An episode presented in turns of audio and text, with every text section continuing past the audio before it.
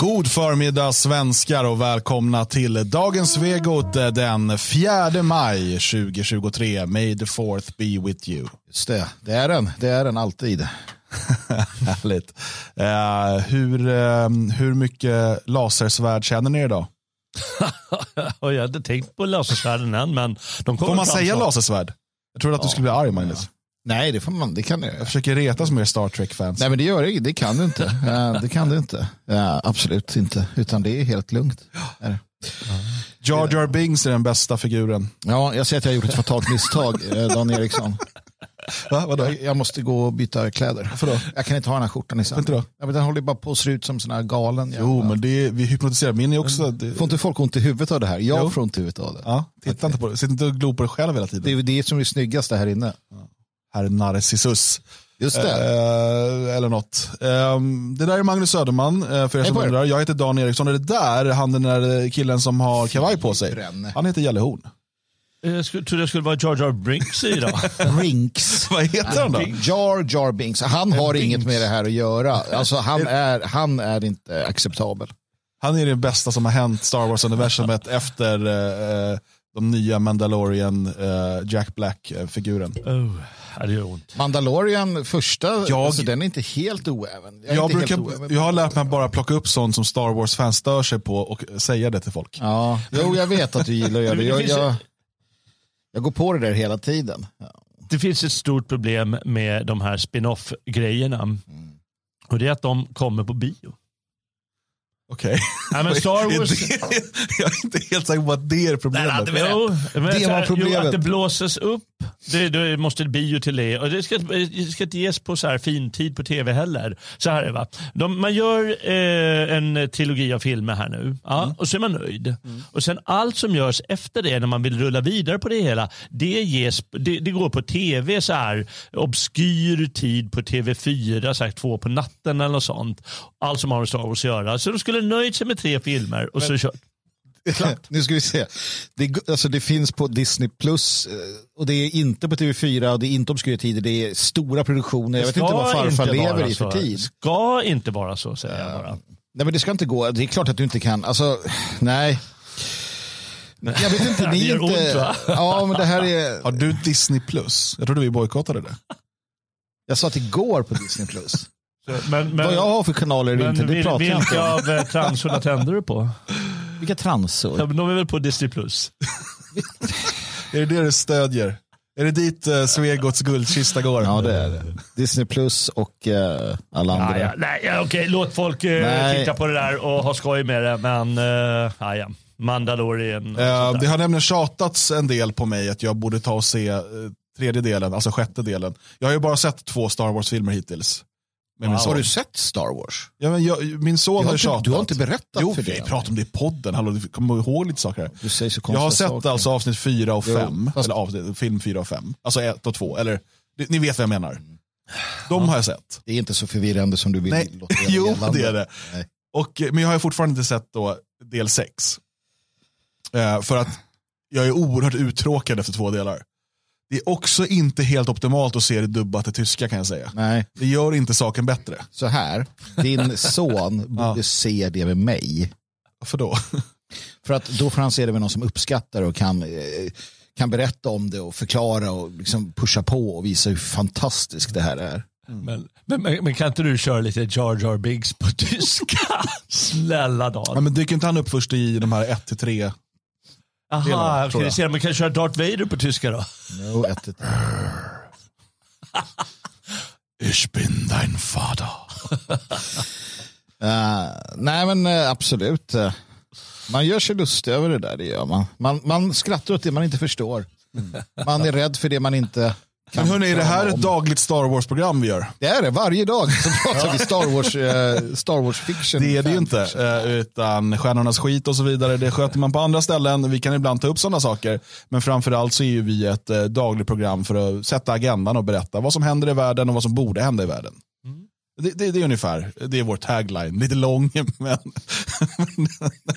det, det, passar inte på klistermärke, så vi har bara affischer. för annars får vi inte plats med vår slogan. Eh, och idag så ska vi ju bland annat då tala om eh, Timbro, Timbro Kopchen Kopsch, han hette något sånt.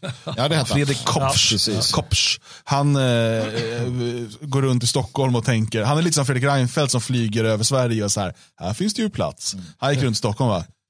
De här höga byggnaderna, vad kallar ni dem sa ni? Kyrkor. Ja, kan vi riva dem eller? Jag skulle gärna vilja ha lite betong här.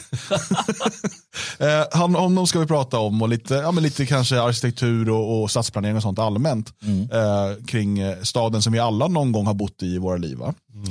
Ja, men absolut, de vill ju förvandla staden till någonting hämtat ur Star Wars. Eh, den här planetstaden som finns där. Eller Asimovs eh, berättelse om en planet som är en stad. Det där är någonting som finns i en science fiction, idén om en hel planet som är en stad. Fruktansvärt måste jag säga.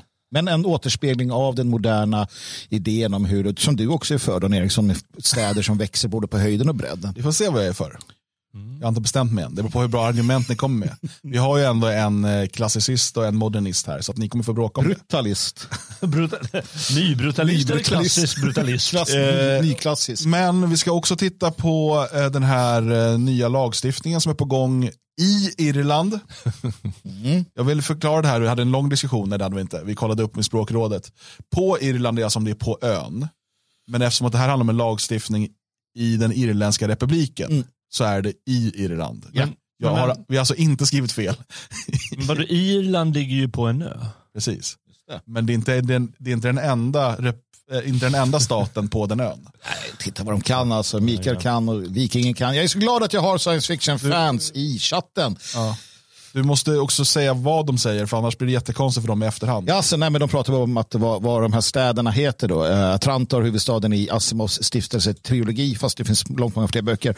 Och Coruscant som är den här uh, stadsplaneten i Star Wars. Finns säkert i Star Trek. Någon Trekkie där ute som kan berätta om en stad där också, så mm. gör det. Eh, tack för den här väldigt uh, användbara informationen. Um, så vi ska prata om den här nya lagstiftningen då som uh, ännu mer inskränker yttrandefriheten. Och kanske har vi redan den här uh, lagstiftningen på plats här mm -hmm. i Sverige. Typ. typ. Ja, vi kan se. Um, vi ska också hjälpa er kära lyssnare och tittare med lite perspektiv. För det behövs ibland när, när saker och ting känns mörka och jobbiga så behöver vi nog påminna er om vilka stora segrar och framgångar nationalismen, invandringskritiken och så vidare faktiskt har tagit i Sverige de senaste eh, ett, två decennierna. Eh, och vi kommer göra det genom att utgå ifrån en ny intervju med eh, Jimmy Åkesson. Eh, så att det har vi att se fram emot i det här programmet. Eh, men jag tänker att vi först ska återbesöka någonting vi talade om häromdagen. Och det är ju då eh, A-lotterierna, kombispel, eh, kombilotterna, motorlotteriet och allt vad det nu hette. Alltså Socialdemokraternas, eh, en av Socialdemokraternas viktigaste inkomstkällor, nämligen lotterier mot kredit, på kredit.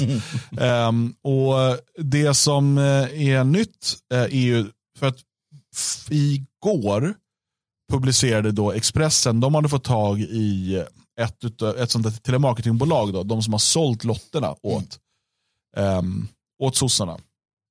Uh, och det här uh, företaget, då, den som har jobbat där, hade kvar ett manus. Man har ju ofta då sån här säljmanus när man, när man ringer och säljer. Uh, för att, och de är oftast framtagna för att vara så, så effektiva som möjligt helt enkelt. Och Det här manuset är intressant för att det, det, alltså det verkligen då förstärker um, hur, vilket bedrägeri det här är. Mm. Alltså vilken um, cyniskt, eh, vilket cyniskt utnyttjande det är av svaga människor, människor som kanske är mer påverkningsbara. Vi vet ju hur eh, man ibland pratar om de här lurendrejarna som ringer pensionärer och får dem att använda sitt bank-id mm. och sådär. Mm.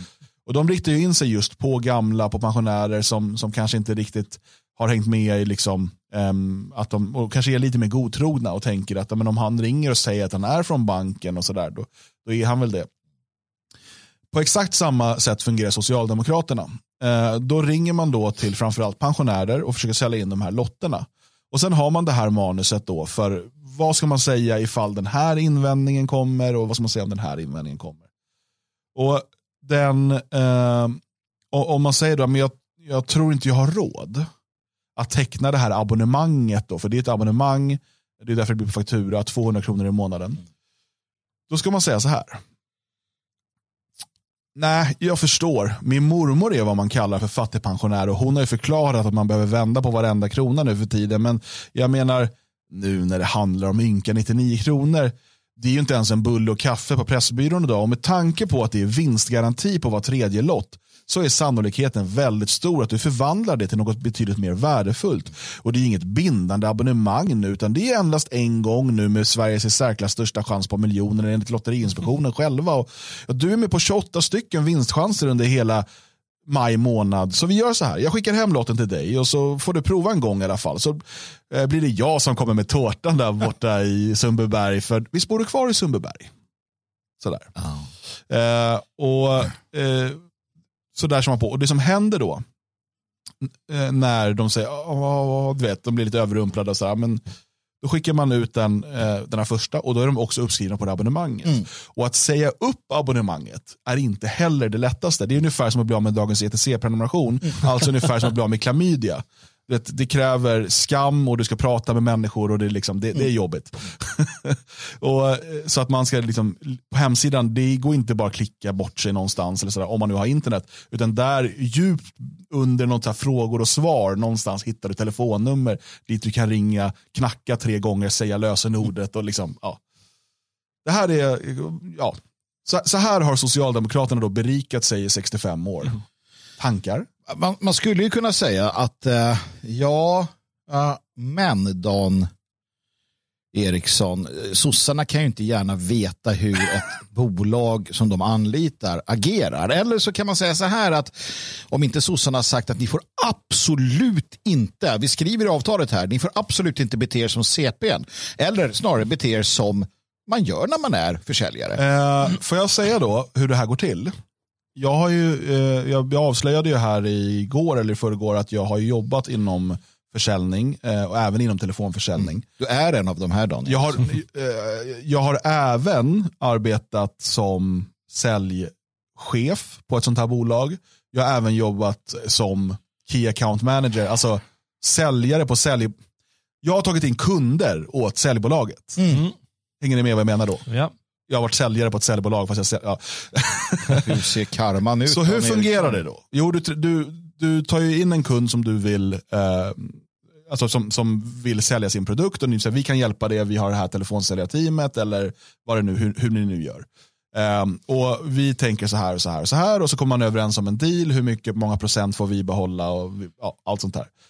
Um, hur lång tid ska vi köra på? Jag har suttit i kanske jag kanske har stängt 20 sådana avtal med mm. kunder. Mm. Alla kunder har tittat på säljmanus. Alla kunder har gjort det. Mm. För att de vill ju veta att du representerar ju deras företag. Mm. De vill veta vad du säger. Eh, I stort sett alla kunder har också kommit in och bett om att få lyssna. Man spelar in alla samtal ofta. Eh, och få lyssna på samtal. Eh, de de är nyfikna, intresserade och vill veta. För att plötsligt så rings det tusentals samtal på en dag i deras företagsnamn. Mm. De vill veta hur det behandlas. Att Socialdemokraterna inte skulle ha en aning om vad som sägs i de här samtalen, vilka de hävdar, det är sån jäkla bullshit att det bara kan komma från en sosse. Mm. ja, verkligen. Det är ett ofattbart hyckleri. Det är så löjligt. De säljer lotter. Det är väl klart de vill ha dem sålda. Va? Eller ja. hur? Ja. Till så många som möjligt. Så många som möjligt till vilket pris som helst i stort sett. Och så kommer de säga, ja, nu, har vi stängt, nu har vi sagt eh, nej till det där företaget. Det är så, det är så löjligt eh, det kan bli. Eh, jag ska säga, alla hatar vi ju telefonförsäljare. Mm. Ja, jag till, tycker till synd om vi hatar, till, vi hatar till och med Dan idag. Ja, idag, Dan får klä skott för allt. Det är snart 20 år sedan, jag måste väl kunna få... Nej, nej. nej. Ja, karma. Karma. Vi, vi, får väl se. Eh, men eh, det, det är självklart att de håller på sådär. Ja. Det är alldeles självklart och vi alla upplevt det till och med. När ja. de försöker tuga på en skiten. Ja. Och eh, det är bara att leva med det och då försöka förneka det som du säger. Försöka förneka. Nej men sossarna, ja. kom igen nu. Jättebra eh, att de kör sån eh, hets eh, på Expressen. Generellt har, jag, generellt har jag inga, jag har liksom, alltså jag tycker väl att, att, eh, att de inom rimlighetens gränser kan använda sig av liksom, övertalning och liknande. Jag, jag har egentligen inga problem för det. Jag, jag, gillar ju att lägga mycket ansvar på individer. Däremot när man riktar sig mot som de gör, äldre människor, där tycker jag att man ska vara stenhård för att ja, och sen, alltså, helt ärligt, ja, det här är ju Eh, jag har jobbat ganska lite med det som är det här, alltså, eh, direkt till slutkund. Jag har, jag har jobbat mycket bet, alltså, till företag, mm. företag till företag. Um, I Tyskland till exempel så är det olagligt att ringa som telefonförsäljare till en, eh, till en privatperson som du inte har en kundrelation med. Mm. Alltså du, du, får, du har inte telefonförsäljare som vi har i Sverige, att de ringer eh, någon som ska sälja dig någon eh, strumpprenumeration eller Dagens Industri eller vad det nu än är. Du kan få samtal om du redan är kund mm. hos dem, att de vill upp, liksom, sälja något dyrare paket eller något nytt erbjudande eller sådär. Mm. Eh, mot företag däremot får man ringa. Eh, men jag, helt ärligt så vet jag inte varför det ens ska vara tillåtet att sälja eh, spel och dobbel på kredit nej, över telefon nej, till privatpersoner. Det, det, det, är bara som upplagt för eh, bedrägeri. Ja, ja verkligen. Och, och hela grejen, vad underbart om de där lagen fanns i Sverige. Men hur trött är man inte ja. på när de ringer hem till en och säger ja men, ja, men tjenare Jalle, har, har du dragit en Tarzan idag än? Ja, men de är så löjligt privata. Ja. Man börjar, börjar, börjar, tycka att det är lite jobbigt det där. Det, det är så himla underliga samtal du Ja, verkligen. Det är väl lite beroende på vad du har för kundrelationer sen Det är så de pratar med. De är så jävla personliga med mig. Och, Jaha, ja, nej, jag vet inte, säger jag. Är lite överrumplad. och så drar de igång. Nej, det är fruktansvärt det där. Och... Ringer du igen mamma? Ja. jag, jag vet inte, jag är tacksamt förskonad från sånt där måste jag säga. Um, Lyckligt.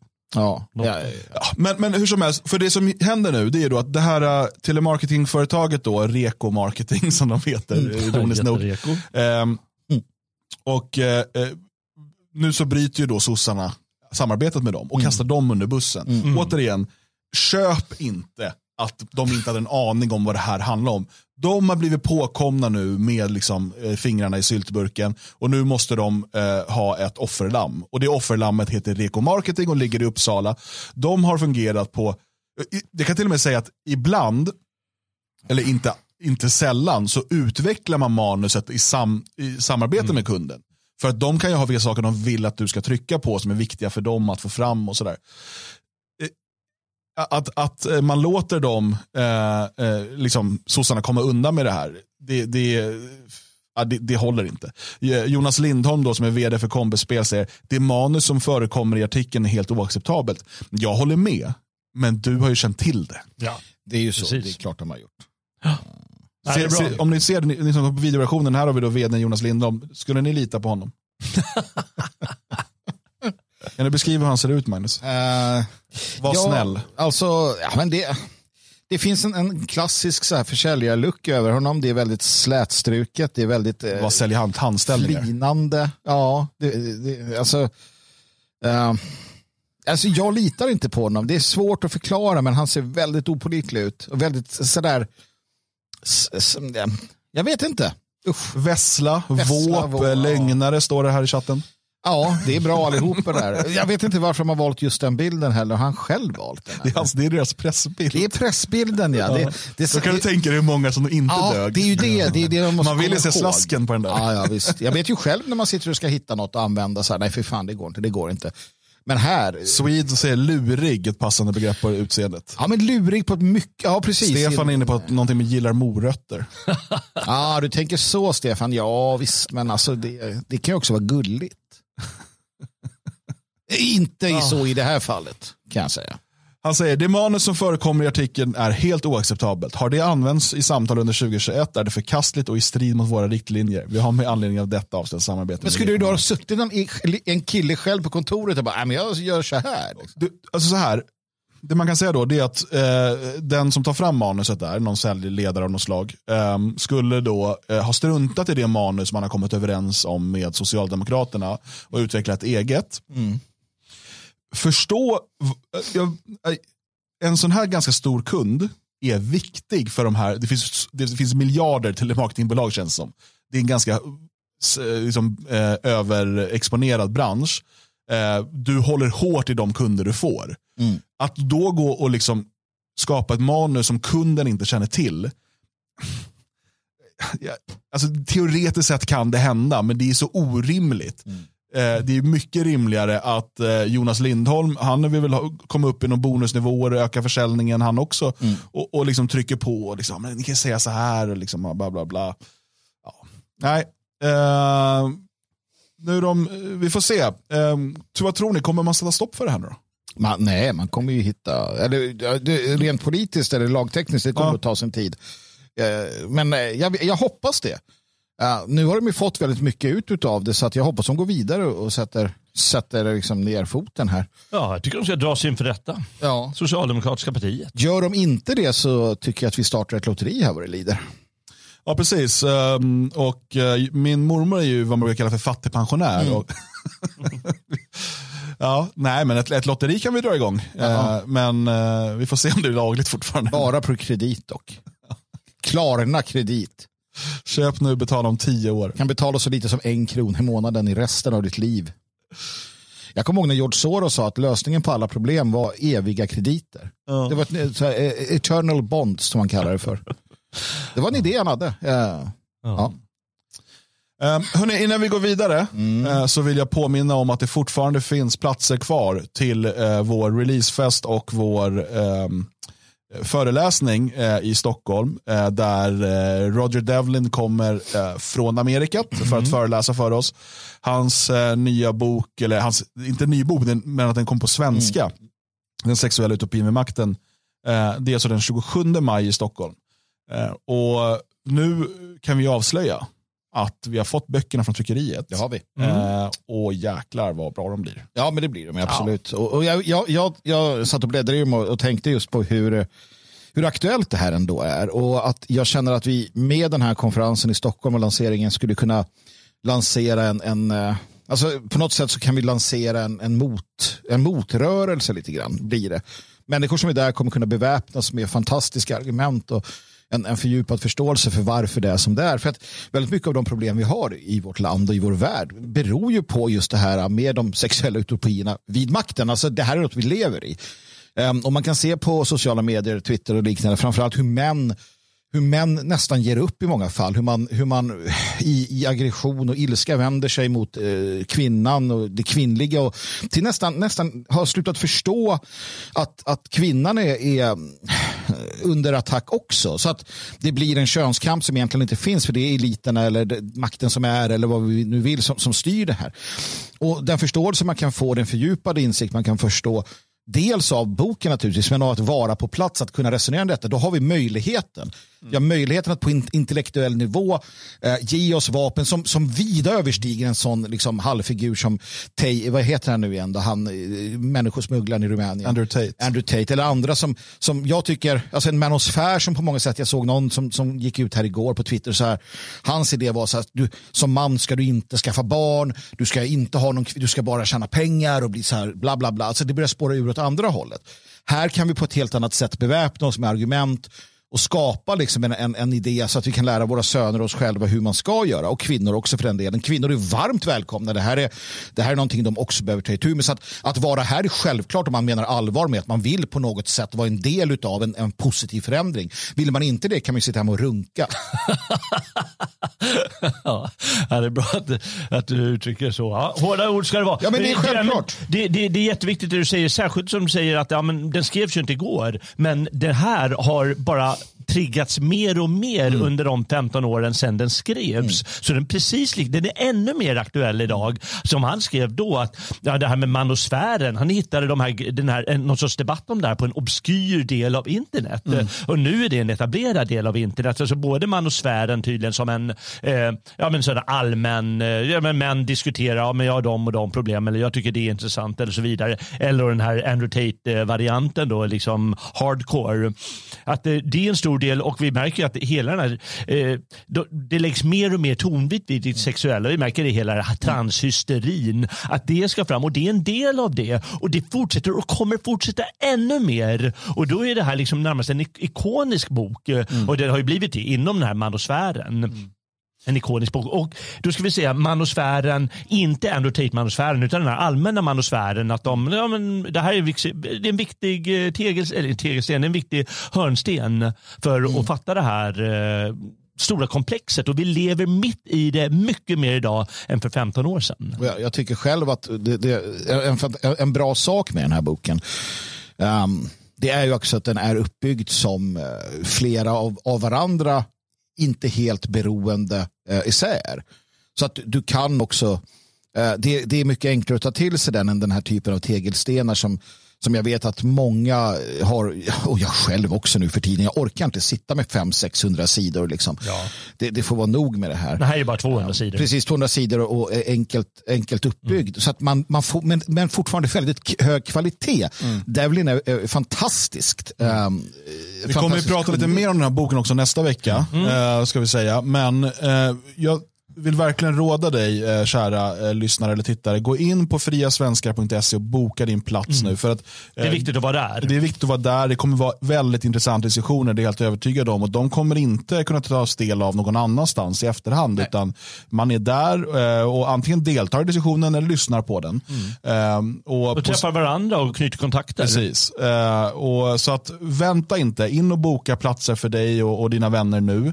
Eh, så att du, för att det, det, är bara ett begränsat antal platser. Och vill man sen hänga med på kvällen så finns det en middag och så vidare också. All information finns där. Friasvenskar.se så går du ner till evenemang och klickar in dig på det som heter releasefest och föreläsning F. Roger Devlin, den sexuella utopin vid makten. Eh, så ses vi där 27 maj i Stockholm. Jag säger som ungdomarna, var där eller var fyrkant. Ja.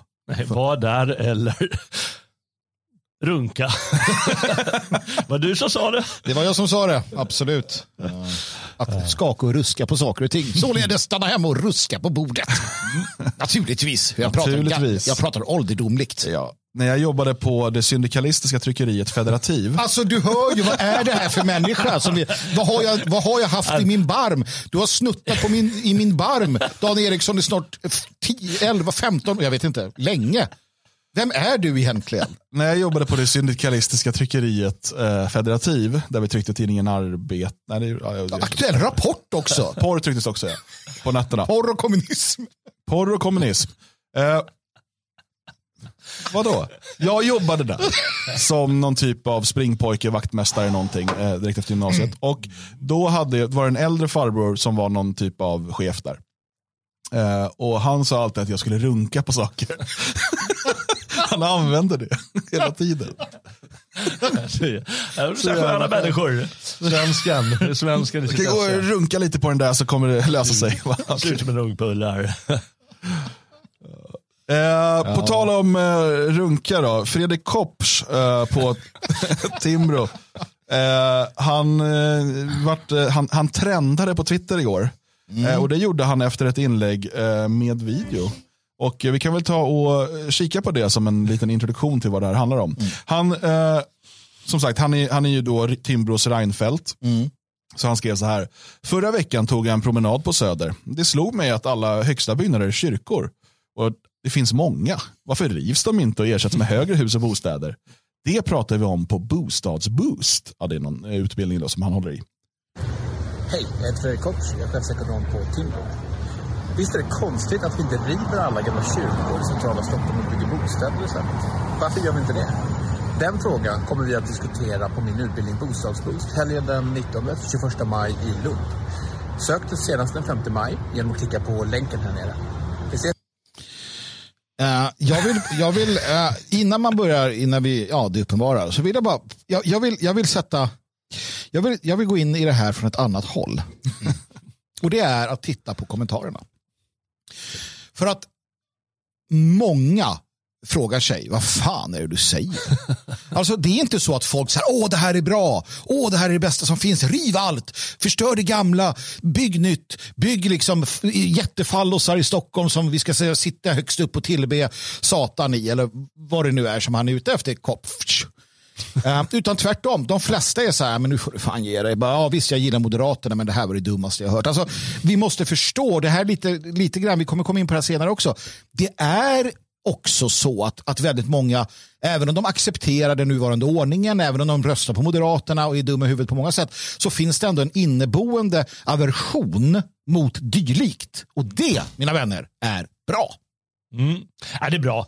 Uh, i, man får kanske säga att han spejsar till det lite och att de inte kommer säga det. Kommer säga att ja, det är klart vi inte ska riva kyrkorna men mm. liksom, bara tanken måste ju ploppas upp att man kan göra någonting. Kanske på den här föreläsningen eller vad, vad de nu har. Men, men det är ändå den gamla vanliga fräckheten. Det vill bara säga men du vill bara bygga, du vill bara riva. Eh, vad har sossarna sitt kontor på Sveavägen 68. Ja, men hur många bostäder, bostäder får inte plats där? Mm. Riv skiten och bygg ett hus där istället och så vidare. Det finns massor av saker man kan göra. De ska ge sig på, de ska ge sig på den som ligger och kyrkan ligger ju. Mm. Uh, det var ju någon som skrev, men riv moskén istället. Varför säger de inte så istället? Riv alla moskéer i Stockholm istället. Ja, han, han försvarar ju också exempelvis Klara kvarterens rivning. Jag, ja, jag ser här då, eh, Jon skriver, googla Klara kvarteren och fundera lite. Så skriver mm. Fredrik så här, värdet av den här mark markanvändningen lär vara rätt mycket högre än vad den ersatte.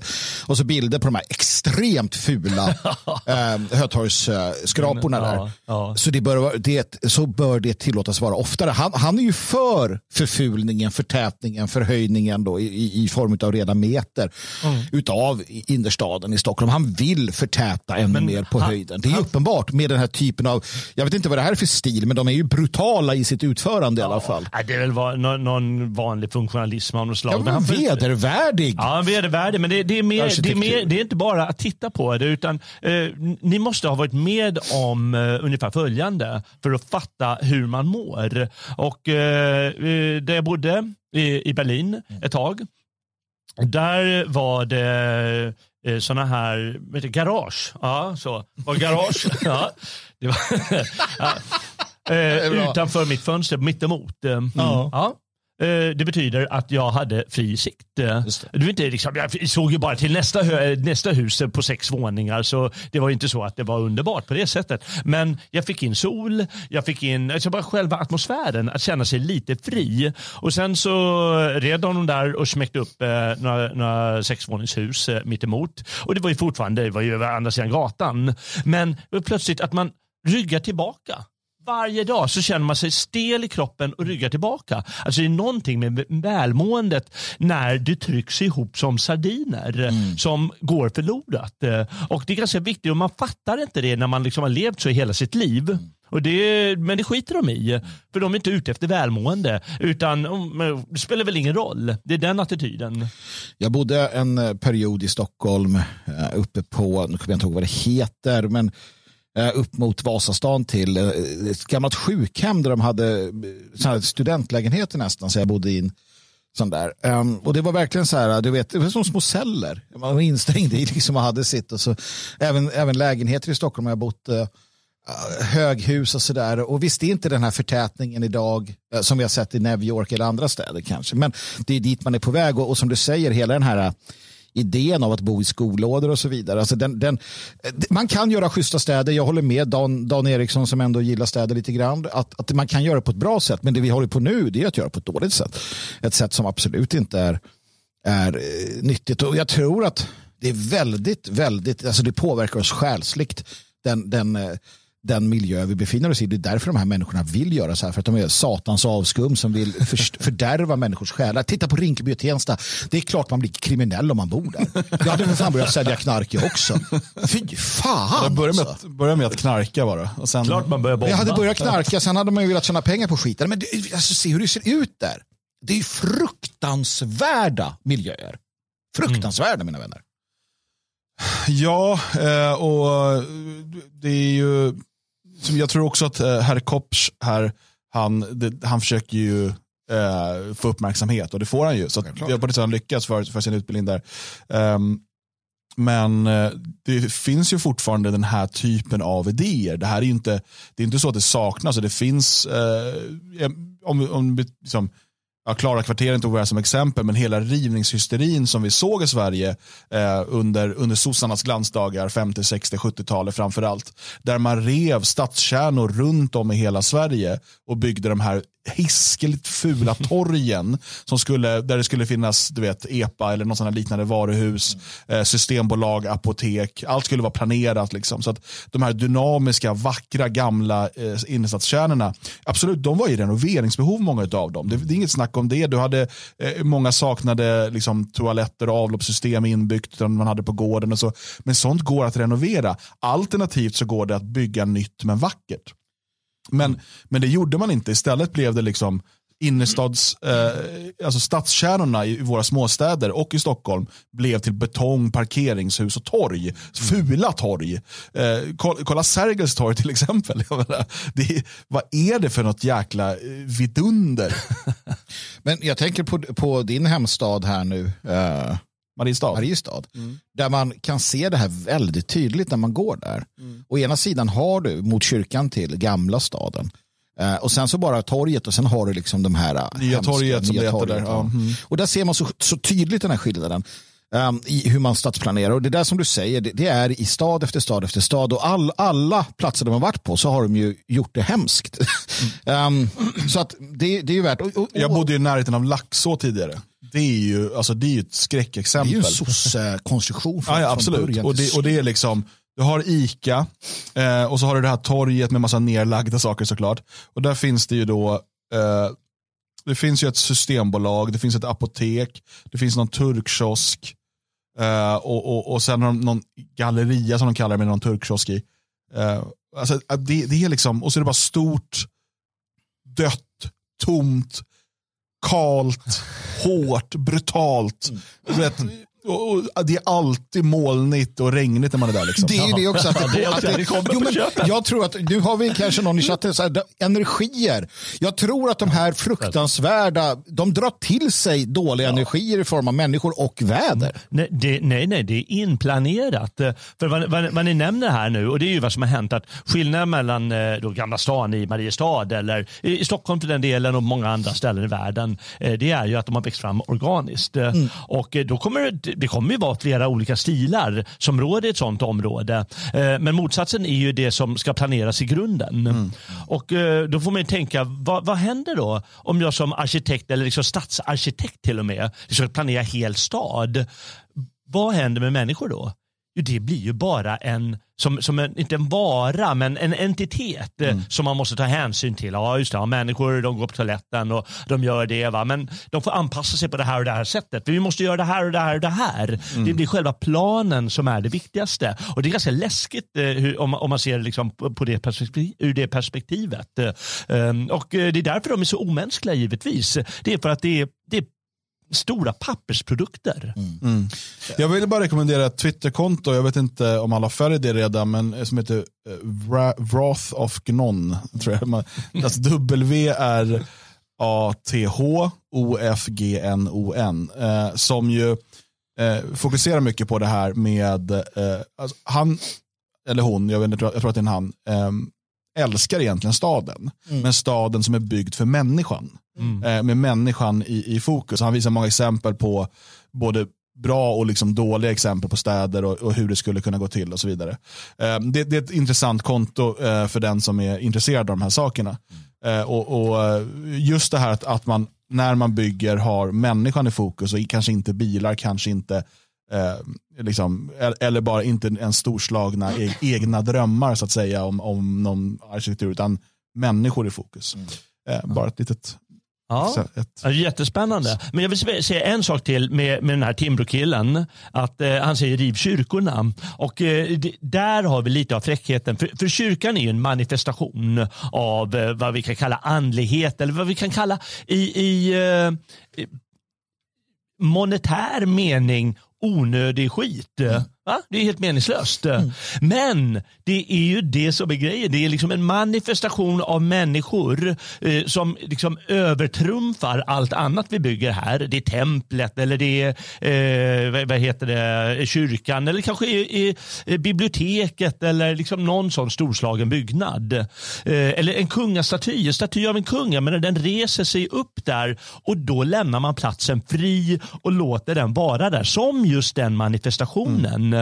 Och han vill göra motsatsen. Han vill nämligen ta bort allt det där. Det som får oss att använda, eh, andas. Det som får oss alltså på ett sätt också att vara människor, nämligen eh, andliga varelser. Vilket de här alltid glömmer bort. Mm. Och därför ge sig på kyrka på det här sättet. Det är, alltså det är, det är så korkat och idiotiskt. Eh, och, och um, jag kan ju uppskatta att det fortfarande finns stora delar av Stockholm där man slipper eh, skyskrapor och höghus och så vidare. Nu har det börjat komma i ytterkanterna en hel del. Eh, men eh, just att ja, men som han är inne då på, Södermalm har ju, det är väl skatteskrapan liksom och sådär, mm. men annars är det inte, och, och sen har vi den här uh, vid uh, Medborgarplatsen, där tornet där.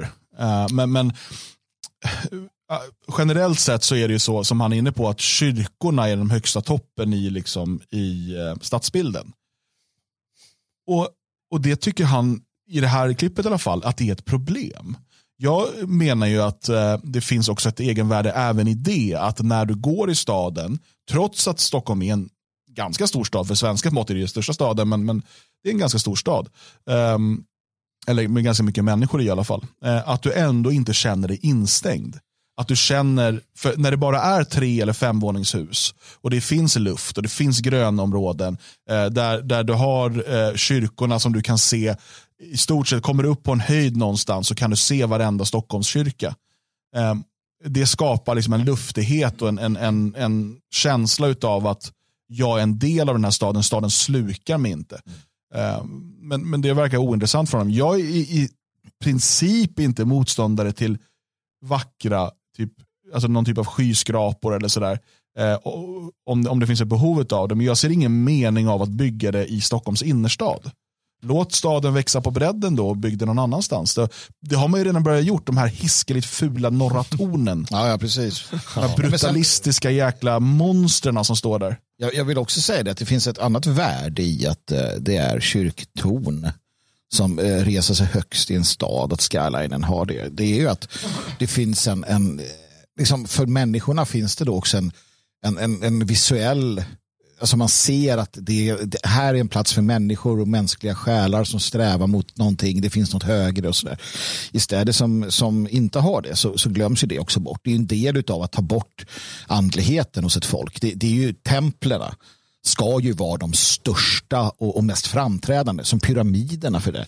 Eller de andra templen. Alltså det ska vara det som är det centrala. Det är det som är det viktiga. Och det är det som visar då i en stad. Om det är New York-börsen som är störst, ja då är det pengarna, mammon. Är det Wall Street som dominerar, ja då är det det. Då är det det som härskar. I, i Stockholm är det fortfarande kyrkorna och det andliga som härskar, men det vill man ta bort. Mm. Som i, i Moskva eller andra sådana här ateistiska länder. Uh, där, där man kanske eh, har, nu vet jag inte, Moskva, ja, men de har ju sina stora lökdomer där. Eh, så att, eh, nej, men, så, så, att det, finns, det finns en stor risk i att, att bygga bort det andliga helt enkelt. Ja, det gör det. Nu behöver det inte, jag menar, kyrkorna har ju inte varit så här i alla tider. Och det finns ju många som tycker, har tyckt tidigare i historien att de är groteska, de här eh, gotiska eh, kyrkorna som ska sträcka sig upp mot skyarna. Alltså kyrkans män har ju också tyckt det från och till ja. att det här det är ju Babels torn eh, vi bygger här. Men, men det finns ändå anledning att ha det här på det här sättet med fria, men det måste ju vara fritt kring kyrkan mm. också så att de häver sig upp mm. på det här sättet. Eh, eh jag, när, jag var, när jag var i New York. Kan jag aldrig glömma när du säger det här. Ah, men där står ju en kyrka. Ah, det ser lite roligt ut, men, men vad knasigt. För det ser ut som, det ser ut som ett uh, kalanka hus eh, eftersom alla andra hus runt om eh, sträcker ja. sig till himlen. Ja. Så blir det som en liten, där, liten hydda ja. bara. Och det, blir liksom, det slår i knut på sig själv, själva tanken. Mm. Att det är en helig plats som är viktig. Mm. Ja. Ah, ja. Men på det här temat då, eh, så är det ju en liten strid som rasar eh, i Stockholm. Och Det är ju eh, återigen väldigt fula läkarhuset på Odenplan som ska mm. rivas. Men jubla inte för tidigt. det kan bli fulare menar du? ja, ja. Det, det, blir det inte. Nej, det inte blir med det, det där. Men, ja. men det är inte långt ifrån. Nej, och, tycker jag. Um, och eh, fastighetsägaren Skandia då, eh, har då ett förslag på en liksom så här glasskyskrapa kan man kalla det. Eller skyskrapa är att ta i. Mm. Vad är det, 8, 9, 10 våningar någonting. Eh, det, det, kommer inte skrapa i, i skyn så att säga. Men ett, ganska, ett högt hus i, i glas och betong eller glas och stål.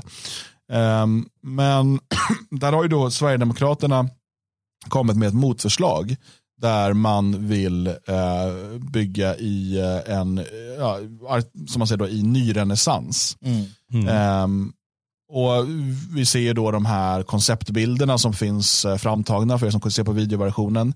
Uh, och jag är ju, jag är ju team SD i den här frågan. Ja, men jag, jag tänker så här, och det är frågan jag ställer. Har vi några byggare Bob där ute? Alltså, finns det hos de stora byggbolagen, är det så att är det mycket dyrare och svårare att bygga så här? idag. Och därför vill man från byggbolagen också gärna ha de här fyrkantiga monstruösa tingesterna. Finns det en, så, ett sånt, en sån tanke, ett incitament där? Eller är det eh, enkelt och liksom lika att bygga de här? Det hade varit kul att veta. För att det kan man ju väga in naturligtvis. Jag kan förstå att det finns ekonomiska drivkrafter. Sen är jag team SD naturligtvis också. Så här borde det byggas överallt. Jag vet att man i Ungern och Polen bygger nytt på det här sättet. Vet du, man gör det till och med i Berlin. I Berlin till Du gör det till och med, alltså, vissa nybyggen i Berlin gör de så här. Och, jag menar, när man byggde upp staden igen och mycket av Öster man får bygga upp på nytt och sådär. Så har inte alltid, ibland är det riktigt absurt sjuka fula saker. Men mycket har också byggts i en mer klassisk stil. Mm. Och när um, um, och, och, och det, det, finns många, många goda exempel där. Och det, går, det, görs ju, det byggs ju en del kvarter i, i eh, Sverige också nu i, i, som är vackra. Så det är klart att det går. Eh, däremot så menar man ju då att det eh, blir, det är någon Stenberg här, ska vi se. Eh, Erik Stenberg, arkitekt och lektor vid KTH. Mm. han säger att det blir betydligt dyrare att bygga eh, vackert, eller han menar inte vackert då, men som vi menar vackert och, därför, eh, och sen av klimatskäl tycker han bättre, att det skulle vara bättre att bara renovera det som står där. Mm. Han är också väldigt eh, frågande till att det här överhuvudtaget att bygga i en liksom, äldre stil, en klassisk stil. Han säger det blir ju en repressiv politik när vurmen för klassisk arkitektur blir styrande. Om man går ända tillbaka till antiken var det till exempel slavar som byggde husen. Det pekar bakåt till en tid man säger var bättre, men bättre för vem? Vilken praktidiot. Men då kan man ju säga att eh, ja, men slavar har ju byggt hus tidigare. Då ska vi inte bygga några hus alls. Va? Vilken jävla alltså, korkskalle. Sådana där människor. Varför, varför finns de? Ja, man undrar. Vi måste göra oss av med alla här. Hur då? Nej, men jag vet inte. Vi packar in dem i de här skyskraporna. De bor där som eh, ansjovisar. Ja. Eh, på, svaret på din fråga är jag ganska övertygad om att det är, det är arkitektkontoren som eh, håller, det är de som styr agendan. Mm. Mm. Byggbolagen följer bara med. Liksom. Ja. Ja, de, får ett uppdrag. Ja, de får ett uppdrag. Nej, men alltså, det här är ju, jag blir, för man inser ju också att med de här, den här typen av resonemang, saken är ju den också, och det vet vi från arkitektupproret, eh, som är en hemsida bland annat. Och det, är arkitekt. det vi vet är att de människorna som säger sådana här saker bor i fantastiskt vackra hem. Ja, Ingen av dem bor i de här brutala, vidriga. Väldigt sällan. Väldigt sällan. Mm. Utan de bor i extremt fina, ofta väldigt klassiska, väldigt sådär traditionella hem. Och, och sen åker de och bygger städerna. Så jag, alltså för min själ kan jag inte förstå varför de förfular sin omgivning men bor vackert själva. Varför bor de inte i betongbunkar? Mm. Det, det, är det här, det här dubbeltänket, det här sinnessjuka som finns. Det är ju, hela världen bygger ju på den där galenskapen. Men jag, jag ähm, min, äh, när det gäller städer, jag ser hellre att städer växer på bredden och med fler lokala centrum. Alltså flera, um, att det blir fler stadskärnor så att säga. Mm. Att det blir fler sm småstäder i storstaden. Mm. Uh, och uh, ja, där um, Berlin med alla sina fel och brister har ju faktiskt den känslan lite grann. Man bor liksom i sin stadsdel. Mm. mm. Det, det, är så mycket med just i Stockholms innerstad, men sen nu när Stockholm växer på bredden och även utanför tullarna då börjar bli som en del av innerstan, så är det viktigt att de, de platserna också blir som små städer i sig. Mm. För att det ska vara li, ja, mer eller mindre lika attraktivt att bo där. För att det finns någon idé i Stockholm att alla måste bo innanför tullarna. Och, eh, flytta tullarna så löser vi det. Nej, men, eh, och, och, och, det är inte hållbart, utan då kommer Stockholm bli någon typ av skyskrapsmonster för att det ska fungera. Mm. Och, eh, och liksom få bort alla grönområden och så vidare. Och då vill ingen bo i innerstan längre för då kommer det finnas andra ställen. Eh, så då, då, äter det upp sig själva. Eh, så att eh, jag ser ju hellre en, en, en, stad som växer, växer på bredden än på höjden. Mm. Ja, men det blir fascinerande vad som händer då. Jag kommer ihåg eh, när jag skulle flytta dit. Eh, gick jag runt lite och, och kollade olika stadsdelar och så vidare. Och så var jag i, i Friedrichshain och så pratade jag med några tjejer där eh, på, när vi satt åt lunch eller något sånt. Och, eh, då, ja men var, var är det bäst att bo? Ja, det är här förstås. Mm. det tycker alla. Ja men vi har ju varit där och, och där. Oj, nej där har jag, där har jag aldrig varit. Nej. Och det blir ju så, för det, det, är som du säger, att det är som min hemstad det här. Ja. Och det är inte bara en stadsdel, mm. utan det är min, lilla, det är min stad. Mm. Och då är det inte så konstigt att man inte varit i den där staden eller den där staden. Nej. Ungefär som förorterna i Stockholm. Jaha, nej, nej, det är sant. Jag, jag har aldrig varit nere i, i Rönninge, mm. Eh, skulle man kunna säga då. Vad, vad är det liksom? Och Mats är inne på i chatten här, eh, behöver det sitta ihop i så fall? Eh, kan det ju lika gärna vara olika mindre städer? Eh, och eh, det är ju, jag menar så som Stockholm är lite uppbyggt nu så har vi ju, det är som satellitförorter. Mm. Eh, det, det, är liksom, det tätas ihop mer och mer, men då är det ju, och, och det är ju någonting jag kan uppskatta med Stockholm, alltså att du jämfört med Berlin, mm. där det bara är liksom, för det är så mycket människor. Så det är bara hus, hus, hus, hus. Det är, det är knappt och grön, alltså det är grönområden finns, men det, i Stockholm kan du ju, om du tar tåget, så åker du liksom genom en skog i några minuter. Sen poff kommer nästa liksom, förort. Um, det har väl sina uh, problem också, men ja, jag vet inte. Jag, det här går ju att diskutera i evighet. Eh, man, man kan ju, eh, Eva-Marie eh, funderar på om inte odlingsmark försvinner när man gör det. Jag tänker att man skulle kunna ha odlingsmark också i städer. Alltså man kan tänka helt nytt, men det är lite svårt utifrån hur det är nu. Jag vill i alla fall pusha för att i de framtida städerna så ska vi inte ha de här breda jättegatorna som vi har i Berlin och Frankrike och så vidare. Eftersom de är byggda för att kunna kontrollera befolkningen. Mm. Men hur ska vi då kunna kontrollera befolkningen? Ja, men det ska vi inte. Utan de ska ha vapen och små gator som kan skjuta politiker som inte gör som man ska. Ja. ja. Ah, ja. Det, det, det kommer vara ett evigt problem det här, men eh, det är bra att det kommer upp till ytan och att det luftas och ja. att folk får säga, för folk känner sig som vanligt överkörda. Mm. Det ska se ut som Italien. Vad fint det är. Hörrni, I Rom. Vad händer i den irländska republiken? Ja. Ja, så håller de på med alla leprechauns? Ja, men alltså väljer man kommunister till makten som IRA alltså, och, och då Sinn Fein, Sinn Fein. Och, och, ja, det är samma skit. Om du väljer kommunister som klär sig som nationalister men i grunden är marxister Uh, och tycker att åh, vi är så nationella här och svenska nationella så åh, vi är så nationella som älskar dem och kommunisterna. Nu kommer det personliga agg fram här. Jag tycker inte att du ger en objektiv beskrivning av verkligheten. Uh, ja. Det är inte vårt fel att republikanerna gör bättre musik än lojalisterna. Nej, det, det är liksom, det är så, så är det. Nej, men det är fruktansvärt det som händer där och det, det som är fruktansvärt är att vi i Sverige har en liknande typ av lagstiftning som vi nu, o, nu oroar oss för vad som händer i, i, i, i på, på Irland. I Irland. I Irland. Ja. Samtidigt som vi till del har en liknande lagstiftning i Sverige. Delvis, men det här går man ett steg längre. Uh, ja, jag vet inte. Uh, mm. uh, nej, och den här lagstiftningen då som, uh, som har röstats igenom då i underhuset Precis. och ska då sen nu in i nästa kammare. Um, det är ju då en, en lag som förbjuder innehavet av hatfullt material om det kan vara ämnat för spridning. Mm. Eh, och eh, det är upp till den, den anklagade att bevisa att han inte hade tänkt sprida det. Precis, vi måste se det på två delar här. Ja. För att det, det skiljer sig åt. Den ena delen, att innehav av hatfullt material för spridning är olagligt förklarat. Så är det i Sverige. Du får inte ha, eh, om, om det finns någonting eh, som är förbjudet, um, till exempel boken Judefrågan som kom ut år 2000 och blev, den är förbjuden. Mm. Då får du ha ett exemplar hemma. Du får inte ha fler exemplar. För då förutsätts det här är ju i Sverige, i Sverige. inte i Irland. Inte utan Irland. är... Mm. Uh, utan, utan då är det så. Så att den delen av lagstiftningen den har vi så att säga. Det som, det som och många, många länder har liknande lagstiftningar. Det att du får inte inneha material som är förbjudet i mer än ett exemplar för eget bruk. Den typen av då hatmaterial. Det i sig är ju vansinne naturligtvis. Att det finns hatfullt material. Bara det är ju galenskap. Mm. Men så är det. Den andra delen, det är då det blir riktigt hemskt.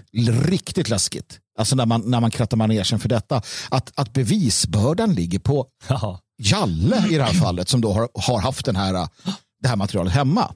Mm. Då ligger bevisbördan på dig. Du ska bevisa att du inte tänkte sprida fyra utav fem exemplar av det här flygbladet eller vad det kan ha varit, den här boken. Mm. Annars så förutsätter man att du är skyldig. Där, där har vi ett problem. Va? du har alltså inte spritt det? Nej. Men du kan ha tänkt att du skulle kunna sprida det. Mm. Förutsätts att du ska sprida det om mm. du inte kan bevisa att du inte har tänkt sprida det. Mm.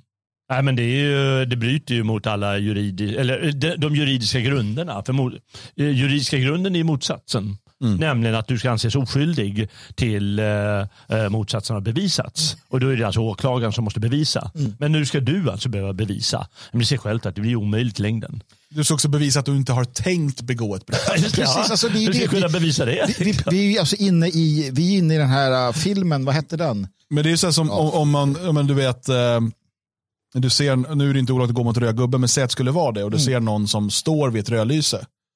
Och så står det, nu ska du bevisa att du inte tänkte gå över mm. mot röd gubbe. Mm. Mm. ja, men jag stå, ja, men du får, måste bevisa det. Kan du inte bevisa det så då har du gjort det. Och jag menar också det förslaget då, material som av staten anses vara hatiskt. Alltså, vad är det för juridisk term? Liksom, hat. Alltså, vad är hat? Vi vet ju på Twitter och liknande att hat det är ju när jag inte håller med en vänsterbliven mm. eller transpersoner eller hbtq-personer eller vad du vill. Då är det hat. Så, vad... Nej, det är bara att kolla på när Morgan Johansson och Annika Strand eller de här uttalar sig, alla de, Joe Biden eller mm. vem det än är. Hat är det som vänstern inte tycker om. Mm. Hat är mm. vänsterns, eh, liksom, eh, de som är opposition till, till vänstern. Eh, mm. Det är hat. Mm. och precis som att de då försöker hävda att liksom deras deras åsikter är inte politik, det är mänskliga rättigheter. Och Det betyder ju att har du en annan åsikt så är du emot mänskliga rättigheter, vilket är hat. Precis, så att om du då i det här, och, och, och, som sagt, de har, det här ska alltså röstas igenom nu i överhuset, det är på gång. I underhuset så var det förkrossande 14 utav 160 sa nej. Så det här kommer gå igenom och du kommer få en lag på Irland Irland, vad fan du nu vill, där innehav av vad regeringen, staten, systemet, storebror tycker är hatbrott eller hatfyllt blir olagligt. Det, det, är vad som händer nu. Det är vad som kommer att hända. Mm. Och EU, denna stora demokrati, Uh, USA, denna fantastiskt stora demokrati som alla så, slår sig på bröstet. Ingen säger någonting. Nej. Faktum är att i princip vet ingen på Irland det här. Ingen Irland. Nej, De vet inte det. Befolkningen vet inte det för att media, mina vänner, har inte sagt ett ord på Irland. Inte ett ord. Det står ingenstans om det. Det är ingen debatt, ingen diskussion. Irländarna kommer vakna upp och så kommer storebror knacka på. Fahrenheit är på riktigt. De kommer att stjäla dina böcker, bränner upp dem och skjuter dig ja, det är, nästa så. steg. Alltså, ja. de, de är inte riktigt där än. Ja, men det har ju hänt i svensk riksdag. 1975 har vi ju många gånger till va? hur grundlagen har ändrats vid flera tillfällen. Och människor, jaha, oj då, vad är det som har hänt? Mm. Är inte det en svår process att genomföra? Säger människor. Eh, jo, det ska ju vara en svår mm. process, men det blir ju aldrig det om det inte luftas som du säger i media. Mm. Det är helt otroligt. Är Se vad som Leif skriver här, valmaterial då? Ja, om du tillhör fel parti, mm. fel parti på Irland framledes, då bara, nej men den här, äh, det här har vi bedömt som olagligt. Då, då kan de ta varenda. Jag har haft med en irländsk vän i vårt program ja. några gånger. Han har ju ett parti, ett, ett irländskt nationalistparti. Eh, och det är ju frågan om han kommer kunna fortsätta arbeta. Antagligen mm. inte. Nej. Alltså om staten. De, om de anser att hans, eh, och jag menar var går gränsen då? Eh, han till exempel är ju eh, eh, traditionell katolik och, och Eh, motståndare till abort. Och mm. De sprider ju ofta sådana anti-abort-flygblad. Mm. Är det hat? Ja, vissa, du sa ju det att vissa är oroliga för att katolicismen blir förbjuden. Precis, det, det har kommit nu en del eh, som, som menar det att om den här går igenom så kommer katoliker inte kunna utöva sin tro Eh, i, för att det kan också då tolkas som spridande av hat. Mm. Eh, men, eh, då, då, ska jag säga, eh, eftersom jag också luftat det här med, med några olika grupper, och eh, då säger jag, men det är skitbra, då, blir all, eh, då, blir, då kommer islam förbjudas. Och vi vet ju alla att det inte kommer hända för det kommer inte att klassas som hat. Mm. Mm. Och så enkelt är det. Att de, medan katolikerna är oroliga och de ska vara oroliga för målet är att angripa vissa grupper. Det är det som är målet och straffa de som har bott där i, i hundratals, tusentals år. Det är det som är målet. Det är så enkelt. Man måste fatta det här. Att det är satanisterna här, givetvis, som är, som är ute efter någon. Och när du säger eh, de kommer skicka Fahrenheit på dig, eh, Fahrenheit-brandkåren, eh, mm. eh, bränna böckerna och skjuta dig. Och det är det som är målet i slutändan. Mm. De kommer skjuta dig. Tro mig, jag är 100% övertygad. Inte i första steget, inte i andra steget. Men om de har infört ett antal sådana här lagar och du har böjt nacke tillräckligt många gånger, då kommer de skjuta dig. Du, du måste... ja, men, då så har vi sett i alla sådana här, när de här um, totalitära krafterna får makten och det, det liksom, i slutändan då blir, går till ett, ett folkmord eller, eller liksom en, en, en som kraftig um, ett förtryck av befolkningen liksom, också med våld och så vidare, arbetsläger, vad det nu än vill, så börjar det ju alltid med de här stegen. Alltså det, det är inte så att det slår till från en, över en natt bara. Mm. Utan, och, och det är ju därför alla sådana här inskränkningar i friheter eh, liksom man måste slå bakut och stoppa dem. Mm. mm. För att det är genom att liksom låta dem avancera i de här eh, på det här sättet som du, som du faktiskt underlättar sen för, eh, för det totala totalitära maktövertagandet. Det är också så vansinnigt sorgligt att se då hur den, den katolska kyrkan och den katolska befolkningen, alltså majoriteten är katolsk, hur de år efter år efter år efter år har stött Sinn Fein. En marxistisk ett, ett, ett marxistiskt parti. Man har stött dem och nu blir man så här, vad ska ni förbjuda oss? Ja, vad trodde ni? Alltså, det är klart jo, men du, du, kan ju kolla på Sinn Fein historiskt. Det är inte så att de inte varit katoliker. Nej, men de har också alltid närt den här äh, alltså social rättvisa, bla bla bla. Allt det här finns ju där. Ja, det, det ju, uh, finns ju grunden i katolicismen också. Jo, absolut. Och du har distribuismen och hela den biten. Men det är ju inte så att sådana som till exempel vår vän inte har försökt förklara för katolikerna Nej. för 20 år sedan, för 30 år sedan, så, men titta vad som händer. Mm. Uh, det är något helt annat som växer fram. Um, och, och, och, det där har liksom Men det är också för att äh, även, vi, vi pratar ibland om de här falska dikotomier äh, och, och, problemet att folk fastnar i dem. Mm. Och det gäller ju samma sak för irländarna, för ja, katolikerna och för protestanterna i Nordirland och så vidare. Ja, att man fastnar i att, att äh, i den här konflikten mm. mellan, mellan protestanter och katoliker och att det, liksom, det är där man lägger sitt huvudfokus. Det är fortfarande så man röstar mm. för att det handlar om, som att det vore den huvudsakliga konflikten för mm. eh, folk på de brittiska öarna idag. Ja, visst. Nej, men det var ju var det 10-15 år sedan som Sinn Fein gick ut med, med stora med buller och bång och sa att äntligen har vi satt den första svarta eh, borgmästaren i en stad. Äntligen så har vi tagit fram, kliv fram och man, ja. ja aborter och hela den biten man pushar på som fan. Um, så att visst, alltså kyrkan har ju börjat så här, vad är det som händer här och folk börjar bli lite uh, skeptiska. Men uh, too little too late. Uh, och det, här, det här kommer ju drivas igenom. Ja. Och, kanske. Ja, kanske. Och, eh, men det som är skrämmande det är när eh, du, du, eh, gav oss ett papper på hur eh, den här skriften när den förbjöds. Mm. Eh, eller när, när det förbjöds att inneha den. Just det, judefrågan av mm. Oskar Landahl gavs ut 2000. Och, då, då, då, fick jag lite hur, reson, hur rätten resonerade och så där. Och sättet de slår ner, slår ner foten här. Bestämt. Alltså det är ju verkligen motsatsen till alla straffrabatter och hela den här, intoleran eller den här toleranta mm. inställningen de har till, till män som våldtar eller mördar eller förnedrar och rånar och allt vad det är. De är så jäkla givmilda. Men det är uppenbart att den här frågan betyder oerhört mycket för dem. Och varför gör det det? Jo, därför att därefter kan de kontrollera saker. Mm. Mm. Nej, och det är, alltså, det är en, eh, en skrift då som förbjöds i Sverige och eh, där man eh, eldade upp upplagan, mm. beslagtogs och förverkades som mm. man säger. Ehm, det är det, sista, eller det senaste ehm, statliga bokbålet i Sverige. Mm. Ehm, det, vad är skillnaden? Nej, nej, det är absolut. De förbjöd den och brände upp den och, och gjorde innehav förbjudet. Och, och där, därmed också gjorde det, det, för, det är idag tillåtet att inneha ett exemplar. Du kan ha hemma som liksom referensmaterial, du kanske behöver forska i det här. Um, säg att du har fem, fem stycken hemma. Kan du få problem? Absolut. Då är det nämligen avsett för spridning. Mm. Det, precis, och, och hade du bott i Irland inom ett par veckor så hade du varit tvungen att bevisa att du inte tänkte sprida dem. Medan mm. i Sverige än så länge så måste staten bevisa att du ska sprida dem. Uh, och det kan de säga för att du har fyra extra. Och det, det är det. Så det, var ju, det var ju det på, på förr i världen när man, när man kanske vissa som var in, sålde tidningar och tidskrifter och musik som var förbjudet. Då fick man ju vara försiktig. Um, för att innehav, greps du på stan och hade tre skivor av Död åt sågskivan, ja, då kunde du lagföras för detta. Mm. Mm. Uh, Stefan undrar om du får sälja boken, det tror jag inte. Uh, nej, möjligtvis då som uh, ja, Om du på något sätt kan visa att det är antikvariskt material och sådär. Alltså den från 36, den utgåvan. Precis, men inte den nya utgåvan. Okay. Men man får sälja det gamla i alla fall? Det får man göra. Det får man göra med allt i Sverige, ja. Eh, som det ser ut nu. Okej, okay. ja. ja. det är alltid någonting. Men, men för att återkomma till det här, så att, äh, men hur med, Koranen kommer förbjudas då? Nej, det kommer givetvis inte att göra. Och, för jag, kollar, jag bara kollar upp lite om, äh, det är nämligen så att Karl Marx han har skrivit en uppsats som heter Om judefrågan. Ja.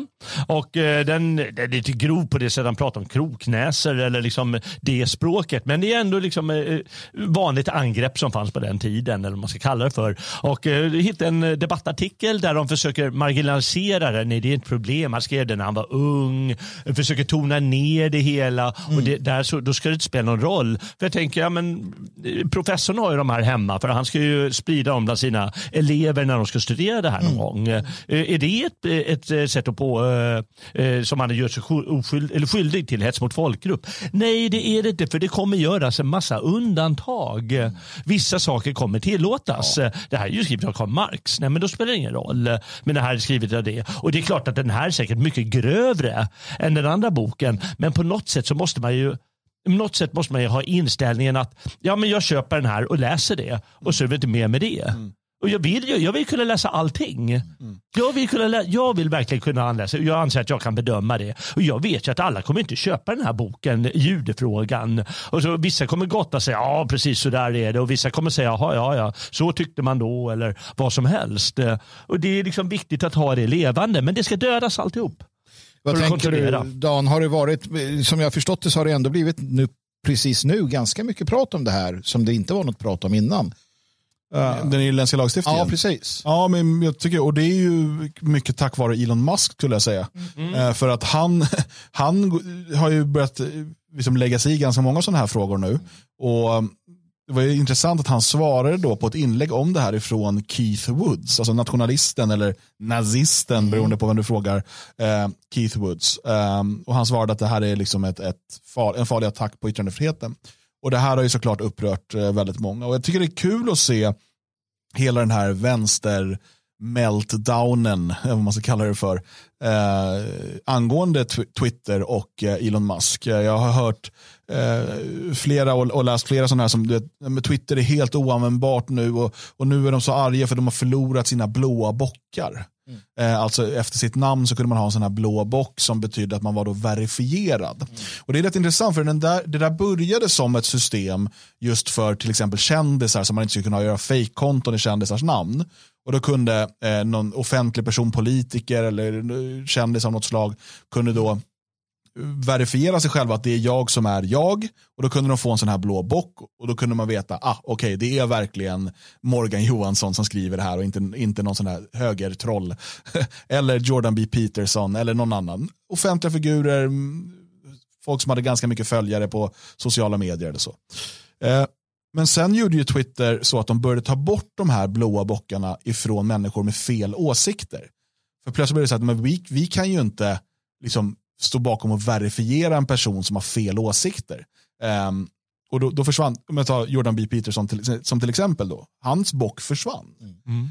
Så då betydde det ju inte längre att du bara var verifierad att du är den du säger att du är, utan det betyder att du hade rätt åsikter. Mm.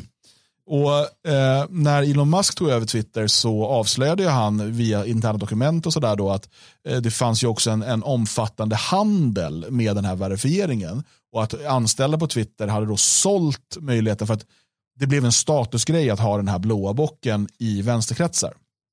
Eh, och, eh, så att eh, det fanns exempel på folk som hade betalat 15 000 dollar för att få en sån här verifiering på sitt konto. Ehm, eh, och, eftersom de blev så eftertraktade. För det man kan göra om man är verifierad och, och som det var tidigare då, då kan du då välja att bara se inlägg från andra som är verifierade. Och när verifierad betyder människor med rätt åsikter, i, alltså, det blir exakt samma åsiktskorridor, exakt samma klägg som liksom vi har sett i media, i, i politiken och så vidare. Um, och, och Då kunde du liksom bara ignorera vad alla med fel åsikter eller alla icke-viktiga vanliga människor tycker. Uh, när, och, och Elon Musk tar över och säger att vi ska ändra på det här systemet. Uh, vi ska uh, demokratisera Twitter, för det är vad han säger. Alla som kan liksom stärka sin identitet genom bara att koppla ett telefonnummer till Twitter så vi vet att det finns en person bakom. Um, kan få, kan få betala för uh, den här uh, Twitter Blue och då får man en sån här blå bock. Uh, och det ger en del fördelar och så vidare. Um, och samtidigt sa han då att och till första maj eller 15 april eller vad det var, då kommer också de här gamla, det här gamla systemet att fasats ut helt. Mm. Vilket betyder att hur känd du än är, eh, liksom, så kommer du, om du köper Twitter Blue, absolut, då får du din bock. Men det är liksom, ja. Och nu är ju de här väldigt, väldigt upprörda för nu har de förlorat sin blåa mm. bock. Eh, och framförallt så är det ju inte bara det, utan de har förlorat sin, sin bubbla. Mm. Ja. Nu, och jag lyssnade på en podcast nyligen, då var det en sån som sa att ja, och, och, nu vet man ju att är det någon som har en blå bock nu, då är det ett högertroll. Det är bäst att bara blockera alla med, med vet, det säger så mycket om liksom vilken bubbla de vill leva i och hur de ser på andra människor. Mm. Vet, det är de här människorna som, uttalar, som, som försöker utmåla sig som de här egalitära, eh, liksom, fina och vi bryr oss om arbetarklassen och bla bla bla bla bla. Men allt de vill är att ha sin, sin lilla bubbla utav ryggkliare där alla tycker likadant och berättar hur goda de är hela tiden för varandra och, och hela tiden vet, ett safe space för goda fina åsikter. Eh, och Det är därför de hatar Elon Musk, det är därför de hatar nya Twitter. För att plötsligt får alla människor samma möjligheter. Och är det något de hatar mm. så är det att alla får samma möjligheter. För samma möjligheter betyder, och det här är det som jag kunnat se med liksom alternativa medier, när sociala medier växer fram, när YouTube växer fram. Så fort alla ger samma möjligheter, då åker vänstern på pisk. Mm. Då är då är det alltid andra som blir mer populära, andra åsikter ja. som får större spridning och då måste det stoppas, då måste det censureras, då måste det förbjudas, då måste man in med nya hatlagstiftningar. Då måste EU in och reglera sig till att hat, alltså icke-vänsteråsikter, inte sprids. Och på det sättet eh, så kan man behålla makten ett tag till. Mm. För har, får alla människor samma möjligheter att höras, synas och uttrycka sig så, så är vänsterns dagar räknade i minuter. Ja, men det är återigen, eh, syftet är ju kontroll. Det är ju det de vill åt. Och eh, de vet, för de vet nämligen att det andra, det, det kommer, folk kommer intressera sig för andra saker än vad de håller på med. Jag skulle, är det förbjudet att ge ut en eh, bok med gamla karikatyrer? Ja. Trycka den på nytt. Är det det? Ja, vi... Alltså karikatyrbilder. För då målas, jag, jag sa det, för eh, det här, då målas ju till exempel judar ut med jättestora eh, näsor och så i karikatyrens namn. Det gjorde ju alla på den tiden. Och det var ju inte bara de, ja, men det var ju andra som också råkade ut för det.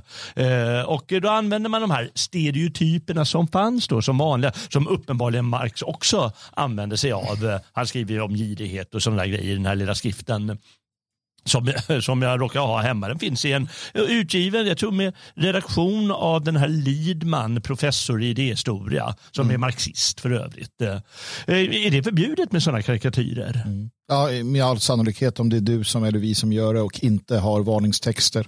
Ah, ja. Eh, så är det det, ja, i Sverige. Det är därför HMF är skriven som en gummiparagraf. Vi kan inte göra vissa saker som andra kan göra. Ah. Frågan är om det kommer vara tillåtet att ge ut Mein Kampf i framtiden utan uh, varningstexter. Med tanke på att nationalsocialism anses vara HMF i sig självt. Mm. Det återstår ja, det, att se. Det är frågan. Hörrni, eh, vill eh, ni läsa texter av oss tre och en hel del andra eh, skribenter, ta del av podcasten på gamla nya stigar, läsa e-böcker, lyssna på ljudböcker och så vidare, ja då ska ni besöka sveating.se. Mm. Eh, på sveating.se publiceras eh, texter dagligen, det publiceras en podcast i veckan, det publiceras en e-bok, en ny e-bok att ladda ner en gång i månaden och ett nytt kapitel från någon av våra ljudböcker eh, publiceras också varje vecka. Eh, så allting finns där på sveting.se. Det har varit eh, gott om besökare och nya prenumeranter här sedan smyglanseringen drog igång i tisdags. Mm. Eh, och det är vi jätteglada för. Och Eh, igår så publicerade du din första text där, Magnus, mm. eh, om Tucker Carlson. Ja, precis. Jag resonerade lite kring han. Han hade ju sett någon, någon, någon film där några Trump-anhängare gav sig på en, en uh, antifant, va? tre mot en. Och då tyckte han, så ja, fan så gör man inte, så slåss inte vita män. Och då tänkte jag, kanske det är problemet då, då uh, att uh, vita män inte slåss så. Så att jag ställer frågan, hur slåss då vita män Carlson? Och ger svaret på Sveting. Mm. Och idag publiceras vad då för någonting, Jalle? Ja, det vet ju gudarna. Ja, ja. blir det eh, Gynger? Ja, men det blir väl det på något sätt. Va? Det hänger lite på tekniken. Vi måste ju få igång skribenten, att de mm. eh, lyckas eh, eh, lägga upp sina texter. Men det går ju att lösa allt det där på någon vänster. Så det kommer väl någonting om Gynger-utgivning i Sverige eh, som, är, som är spännande. Och eh, ja, det är ju inte bara idag, va? utan det är ju idag och igår och imorgon och varje dag. Så det kommer ju utökas hela tiden. Mm. Så eh, det, det, bästa är ju förstås att läsa från början för då slipper man gå in som eh, efter hundra dagar eller tusen dagar. Oj, här är mycket att läsa.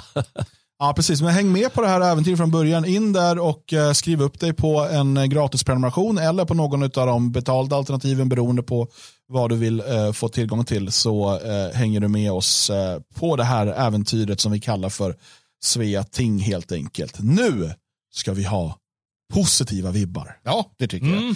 jag. Väldigt viktigt. Och det är Sverigedemokraterna som bjuder på dem. Jimmy Åkesson, inte mindre än. Vår befriare. Vår befriare, vår, uh, ja vad du nu vill. Nej men uh, det, det, handlar ju om att uh, titta på, inte så mycket gå igenom vad han säger, utan vad han säger. ja. Det är viktigt med betoningen där. Precis. Ja. För att, som, som Annie Lööf. vad står det och säger? jag, jag läser i GP. Uh, eh, Jim Åkesson, bokstavsord och muslimer kan inte vara svenskar. Jag, man har, jag har sett att man har tjafsat lite om vad han menar och sådär som vanligt. Men, men jag, jag noterar ändå, det här är alltså GP. Det här är en person som är partiledare för Sveriges andra, tredje, jag vet inte vad, största parti sitter i riksdagen, är en del av regeringsunderlaget och så vidare. Och, och i en underrubrik här i, i eh, Göteborgs-Posten så står det så här, Åkesson, svenskar blir minoritet. Och, och, man resonerar kring de här då uttalanden från riksdagsledamöter eh, Jomshof som säger att svenskarna är på väg att bli minoritet. Och mm, han säger att eh, det är inget problem att säga så. Han, han säger det är väl uppenbart att andelen människor med svensk identitet i Sverige är lä lägre än vad det varit tidigare det är klart att om den utvecklingen fortsätter så blir eh, de människorna minoritet så småningom. Och här måste vi då andas. För vi kan bli så här, oh, men vad fan, han säger ju inte, han pratar om identitet, jävla Åkesson. Och jag är helt för att bli arg över det. Men ibland så måste vi bara ta ett steg bakåt och så här. Det är 2023, efter 30-40 år, jag vet inte vad, så står ändå en av de mest namnkunniga politikerna i Sverige och säger öppet i riksdagen, till regeringen, till media och media skriver att svenskar är på väg att bli en minoritet. Det är inget problem utan det är sanning. Och det är enormt. Alltså förstå hur jävla stort det är mot hur det har varit. Och det är det jag vill lämna till er att prata vidare om nu, om du vill. Ja, alltså, har, för det är perspektiven som behövs här. Mm. Eh, och eh, Jag började engagera mig i liksom invandringsfrågan, eller vad man vill kalla det för, eh, i, i början av det här årtusendet. Det låter, man låter jättegammal när man säger så. Det är så kul att säga. Ja. Um, jag, jag började intressera mig redan förra årtusendet. Men jag började engagera mig i det här årtusendet. Jag har ju, jag har ju levt länge. Just en dubbelårtusing. Fantastiskt ändå. Um, och jag eh, gick med i ett parti 2002 eh, och liksom deltog i massa informationsspridning och sådär som man försökte göra. Och det är ändå bara 21 år sedan. Mm. Mm. Men det är som natt och dag att jämföra vad som idag skrivs i media, vad som idag sägs i riksdagen och eh, liksom hur normaliserat invandringskritik har blivit. Um, och här måste vi ju ge vänstern rätt, för det är det här de är rädda för. Ja, ja. Säger, ah, men det här är ju, man får inte prata, du vet, det, det normaliserar rasismen som de kallar det. Då. Um, det normaliseras, ja det gör ju det. Och bland liksom, svenskar i, i allmänhet så är de här eh, frågorna inte alls lika kontroversiella att diskutera som de var för 20 år sedan. Det finns fortfarande problem kvar med beröringsskräck och folk är rädda för social utfrysning och så vidare. Men det går inte att jämföra med hur det var för 20 eller 30 år sedan. Och Det här är ju ett resultat av nationellt sinnade svenskars enträgna arbete. Och Det är inte bara liksom vi, utan det är väldigt många, det är tusentals under de här årtiondena som har engagerat sig. Idag är det ju Sverigedemokraterna som, som liksom är i riksdagen och, och det är de som har som är den parlamentariska eh, Eh, fronten där och, och, med massor av fel och brister. Men att de finns där och kan lyfta de här frågorna på sitt sätt. Det är ett resultat av att 2000 personer samlades i salen. Det är ett resultat av att ehm, eh, liksom på 90-talet att, att tusentals svenska ungdomar sprang och delade flygblad och gick i demonstrationer. Det är ett resultat av att eh, eh, Eh, hundratals har suttit och bloggat och skrivit alternativmedier och skrivit insändare och allt vad folk har gjort. Alla de här sakerna tillsammans har varit med och putta den här stora stenen som absolut inte är uppe högst upp på kullen än men att vi har kommit så långt. Vi började där så långt ner och stenen var så stor. Och alla sa ni kommer aldrig kunna röra den här stenen. Den kommer vara kvar där nere i dalen hela tiden.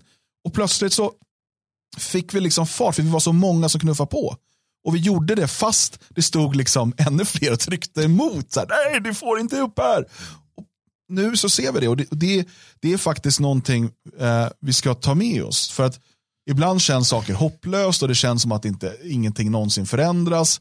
Och det är inte sant. Vi behöver ha det här perspektivet över några decennier för att se att det faktiskt har hänt saker. Vi, vi, jag har liksom hållit tal inför Eh, folkförsamlingar eh, och pratat om liksom vart vi är och framtiden. Och det är för 10 år sedan och 15 år sedan. Och du har gjort detsamma Dan Eriksson. Vi har varit i små obskyra källarlokaler och stått inför fem, sex stycken. Vi har suttit i kaffebord. Eh, det har man gjort. Och en sak som jag alltid har sagt och jag är helt övertygad om att Dan också har sagt är att vi kommer att, vi kommer att förändra det här. Vi kommer att segra. Vi kommer att krossa dem. Vi kommer att krossa deras lögner. Jag har stått och sagt inför Eh, i folkets, eh, i, under Folkets marsch pekat mot de här lögnarna i lögnarnas tempel. Och vad har vi gjort? Jo, vi har krossat dem. Alltså kom ihåg det. Vi vann. Vi vann, seger, vi, vi, vann en seger om åsiktskorridoren. Vi tog deras jävla åsiktskorridor och krossade den. Det var det som har hänt, för nu står vi här, eh, Jimmy och och vi och säger just det som de har ljugit om. Vi har avslöjat dem, vi har dragit ner byxorna på dem, vi har liksom spankat upp dem ordentligt. De är livrädda. Eh, allt det här har vi gjort. Vi, vi sa att vi skulle göra det. Vi sa att vi ska krossa de här jävlarna. Vi ska täppa till truten på dem. Det är en lång väg kvar, men delmålen för fan, det har vi ju gjort. Och det här måste man ta till sig. Man måste förstå att vi har krossat dem. Vi har börjat driva ut lögnarna ur lögnarnas tempel. Vi, har, vi är på gång att göra detta. Med, inte ännu piskor och spikklubbor, men fan ta mig, det kommer också. Ja, men det, det, det är bra du säger det här att, de, eh, att, att, att plötsligt står alla och säger det, inte alla, men många och säger det här. Och SD eh, är ju livrädda för att eh, säga sådana här saker, eller har varit det. Men nu gör de det öppet. Och det händer en sak till nämligen. För nu har ju då, eh, vi kan kalla eh, etablissemanget inom media och politiken och så, också börjat använda det här. Det har vi sett, vi har pratat om det flera tillfällen. Och då måste de säga nästa grej. Och det är, ja men det gör väl inte så mycket att svenskar blir minoritet. Eh, och när de väl säger det, då har de faktiskt sagt det. Mm. Och det betyder någonting. Ja, men du sa att det spelar ingen roll att du är en minoritet. Det spelar ingen, nästa steg kommer nämligen bli, ja, men det, blir, det gör ju ingenting att du tas ifrån vissa privilegier. Eller det gör ju ingenting att det och det och det händer. De har börjat säga det, för det är det enda de kan försvara sig med med att mm. fortsätta politiken. Det är att säga, ja, men det gör väl ingenting att du, att du blir bortkollrad sådär. Och det, och det är viktigt att vi får dem att säga det, för då avslöjar de sig. Mm. Nej, det, det, är svårt att eh, se de segrarna. Jag vet inte, Dan, du har också suttit i de där, eh, liksom suttit i de där källarlokalerna. Har du tänkt, har du själv förrän nu tänkt att just det, jag lovade medlemmarna där, det har vi uppnått. Just de delarna är ju där. Det, det är ju på plats, vi har ju för fan lyckats. Har du tänkt så? Ibland, eh, faktiskt. Eh, och jag minns, jag såg det som en stor milstolpe jag känner att det här kommer vara ett expositerat avsnitt när de ska attackera Sverigedemokraterna. uh, jag minns som en milstolpe när eh, svenskfientlighet lyftes första gången i Sveriges riksdag. Alltså det begreppet användes och det var ju av Sverigedemokraterna.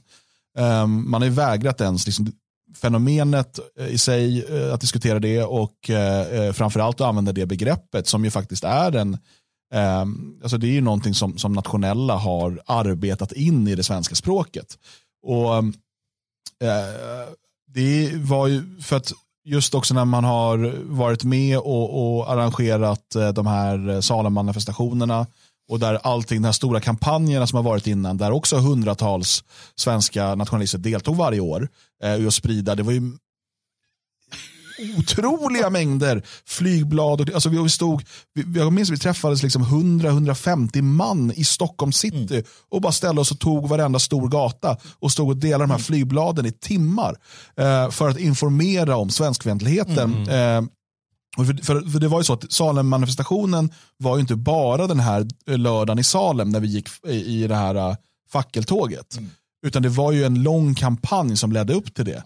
Eh, och, och eh, det, det, var liksom ett begrepp, det, och det var ofta man stötte på folk som, som hävdade att det där inte finns och att det liksom var påhitt och så vidare. Och, och några år senare, i början på 2010-talet, så står eh, människor i Sveriges riksdag och pratar om problemen med svenskfientligheten. Där kände jag att det var en viktig milstolpe. Och eh, vi vår roll eh, i, i eh, Dagens Svegot och i de medieprojekt vi jobbar med eh, är ju också att vara hela tiden den här blåslampan, hela tiden trycka på. Det är därför vi, jag skulle säga att vi är extra hårda mot till exempel Sverigedemokraterna. Vi är mycket hårdare mot dem än mot andra partier. Ja, ja. Och det är ju för att någonstans så representerar de den, den liksom, svenska nationella viljan i parlamentet. Mm. Ehm, de kommer ur vår rörelse. Cirklarna är inte så långt ifrån varandra som Sverigedemokraterna ibland vill göra gällande. Och, eh, men vi har liksom olika, olika roller att fylla. Så, så att varje gång Sverigedemokraterna gör fel så blir vi lite ledsna och vill påpeka det. Mm. För att vi vet att de kan bättre. Vi förstår också att de spelar ett spel, ett parlamentariskt spel som alla partier gör. De behöver det för att bygga koalitioner och så vidare. Och vi, vi får respektera att det är så. Men vår roll är att hela tiden peka på det och säga att nej, så här borde det vara. Men samtidigt, det är lätt då när vi har den rollen att man blir fylld av en bild av att allt bara går emot oss hela mm. tiden. Och det är ju inte sant. Zooma ut, titta vad som händer. Fortsätter utvecklingen i den riktning som den har gått de senaste 20 åren politiskt, då kommer, de, då kommer 30-talet bli riktigt kul. Mm. Ja, men absolut. Men vad tänker du då till äh, Raskolnikov som säger allt du säger borde ha hänt 10-20 år tidigare för att kunna påverka. Det är alltså meningslöst, det är för sent. Det, det, förändringen kommer för sent. Det är klart att förändringen skulle ha kommit tidigare. Det hade varit mycket bättre. Eh, och jag, eh, jag är, tror ju inte att vi kommer se en massiv återvandring eh, genom liksom parlamentariska beslut och så vidare. Men är det kanske inte ens där kampen står längre? Är det kanske andra saker om, om svenskarnas möjlighet eh, att faktiskt fortsätta vara svenskar, att kunna leva i fred, mm. eh, våra, vår möjlighet att, att bättre kunna styra över våra liv. Um, det är klart att allt hade varit bättre om, om, om det hade funnits en, en stark nationell röst 1975 i riksdagen som hade stoppat liksom, lagändringar. Ja, absolut. Eller om vi hade kunnat liksom, stoppa massinvandringen 1986. Jo. Det är klart att det hade varit bättre. Men nu kan vi inte det och vi har ingen tidsmaskin. Eh, det enda vi kan göra det är att utgå ifrån vad vi är nu, vilka kort har vi att spela med. Och eh, det, det, är liksom det som, det finns inga alternativ. Nej, och det är det också. Vet, det, det, är egentligen ett meningslöst tänkande Raskolnikov håller på med. För hade vi kunnat se till så att 39 eller 45 blev annorlunda, eller att eh, franska revolutionen inte skedde, eller att, och så, vart ska vi dra gränsen då? Vart, vart var det det borde ha förändrats? Vi, vi har den verklighet vi har, vi har de kort vi har att spela med. Det finns med. ju många som hävdar att eh, det, det börjar med liksom kristendomen i Sverige. Ja, eller det började med, med det som hände i Edens lustgård. Det var ja. dumt kan jag säga på en gång. Nej, men det blir jo, men, liksom... Ja. Men, det, blir men, det, det, det, där är bara ett sätt att hålla tillbaka sig själv och att inte omfamna det faktum att det, det går bra. Titta bara på det här med eh, gammelmedia som vi har brutit. Vi har brutit deras, deras dominans. Um, nu är vi ute efter eh, SVT och public service. Ja. Alltså vi kommer att krossa dem. Vi kommer att få Så är det. Alltså, återigen, det tänk dig alternativ, nationell alternativmedia på 90-talet. Eh, det fanns några snygga magasin. Mm. Eh, och det fanns, eh, det kom lite någon tabloidtidning eh, och sen fanns det hemstencilerade fanzin mer eller mindre. Och de här var tvungna att spridas eh, liksom, eh, via postorder i bästa fall. Annars genom att liksom, eh, sälja dem i, i skolan i, mm. från skåpet. Liksom. Det, det, var så det gick till. Och, och medan, jag menar, vi når bara med Dagens Svegot och vi, har, vi är en pusselbit i mm. hela den här. Vi når varje dag Eh, liksom tiotusentals personer. Eh, via liksom nedladdningar, eh, besök på hemsidan, eh, visningar av filmklipp och så vidare. Så att, och det kunde vi bara drömma om då. Och då ska vi inte prata om den räckvidd som Samnytt, Fria Tider, Riks, eh, Morgonposten som är sin egen grej, men det finns ändå, det här är alternativmediasfären. Liksom. Eh, och vad de, liksom, hur många de, de rör dagligen. Eh, det, det, är ju det är helt otroligt och var helt otänkbart för 25 år sedan. Ja, inte var det väl någon som för 25 år sedan trodde att man i riksdagen eller att partierna skulle prata om huruvida eh, eh public service måste reformeras i grunden. Idag finns det många som tycker det. Mm. Eh, det är så mycket som, som inte kunde ha hänt som händer. Ja. Men det är ju mer, det är till och med att journalisterna Alltså de, eh, vad vi kan kalla de dåliga journalisterna kanske. Eh, de tvingas ju använda de här orden och de gör det och, för det står till exempel i den här GP-artikeln där han intervjuas. Eh, eh, då, det, det, här står inte som en fråga men det är uppenbart att de har haft det som en fråga. Eh, en del har kopplat ihop Richard Jom, eh, Jomshofs uttalande med konspirationsteori om att det pågår ett folkutbyte. Och då tvingas de använda de här orden och de här begreppen vilket gör att det normaliseras. Folk snappar upp det här och inser att ja, det är på det sättet. Eh, eh men det vill inte Jimmy Åkesson kännas vid. Då tänkte jag vidare här. Då svarar Jimmy. Det är sannolikt inte så att han menar samma sak som nazisterna gör när han pratar om folkutbyte. Mm. Han tvingas ju använda den här idiotiska mm. retoriken mm. som media har packat på dem. Uh, men, men det kommer fram de här orden, och säger Linus Bylund som hade ju den som rycker, uh, han har inte sagt det han har använt ordet folkutbyte. Men det kommer fram flera gånger det här ordet och det är viktigt med de här minoritet, folkutbyte och det kommer fram varje dag i media nu för tiden. På det ena eller andra sättet. Nej, så är det. Och, och, det gjorde det inte för fem år sedan eller tio år sedan. Nej. Så tacka fan för att Lindberg och ETC och 77. Eh, alltså de, de, de känner att det är en fascistisk revolution som sker i detta nu. Det är inte bara att de vill eh, liksom, eh, grifta pengar till ETC. De är rädda, de är oroliga. Expo vet inte vad de ska ta sig till. De har försökt i år ut, de har mördat oss faktiskt. Eh, våra fiender har mördat oss, de har spärrat in oss, de har liksom stiftat lagar för att tysta oss, de har, satt, eh, de har liksom förbjudit oss att verka, de har på olika sätt och vis hindrat oss att, att kunna få in pengar. Och det går inte. Det är ändå vi här och de är helt förstörda. Vad fan gör vi nu? 77 stycken går ut i ETC och så här. Ah, det, det är katastrofen. Ah, vi måste... Ah. Jag menar, de är körda. Mm. Bra. Det gäller bara att fortsätta putta den där stenen nu. Som fan. Grinding, grinding, grinding. Så Just det. det. Grinder ska vi göra. Ja, vet, vad var det du sa de där? Skulle mala ben eller vad var det? Och jag har fått en ny matchning på Grindr också. Alltså, har du det? Det var jag. Du matchar. Vi måste sluta nu. Vi, har Nej, vi, är tvungna, vi är tvungna att avrunda det här. Vi, har, vi är upptagna med annat nu resten av, resten av dagen. Men, jag vet inte vad det är vi pratar om. Nej, det, är det, som är det är det som är skönt också. Att, att han... Jag låtsas som ingenting, jag skrattar åt skämtet. det här blev ett sådär långt avsnitt igen. Ja, men det är det vi gör nu för tiden. Ja. Ja.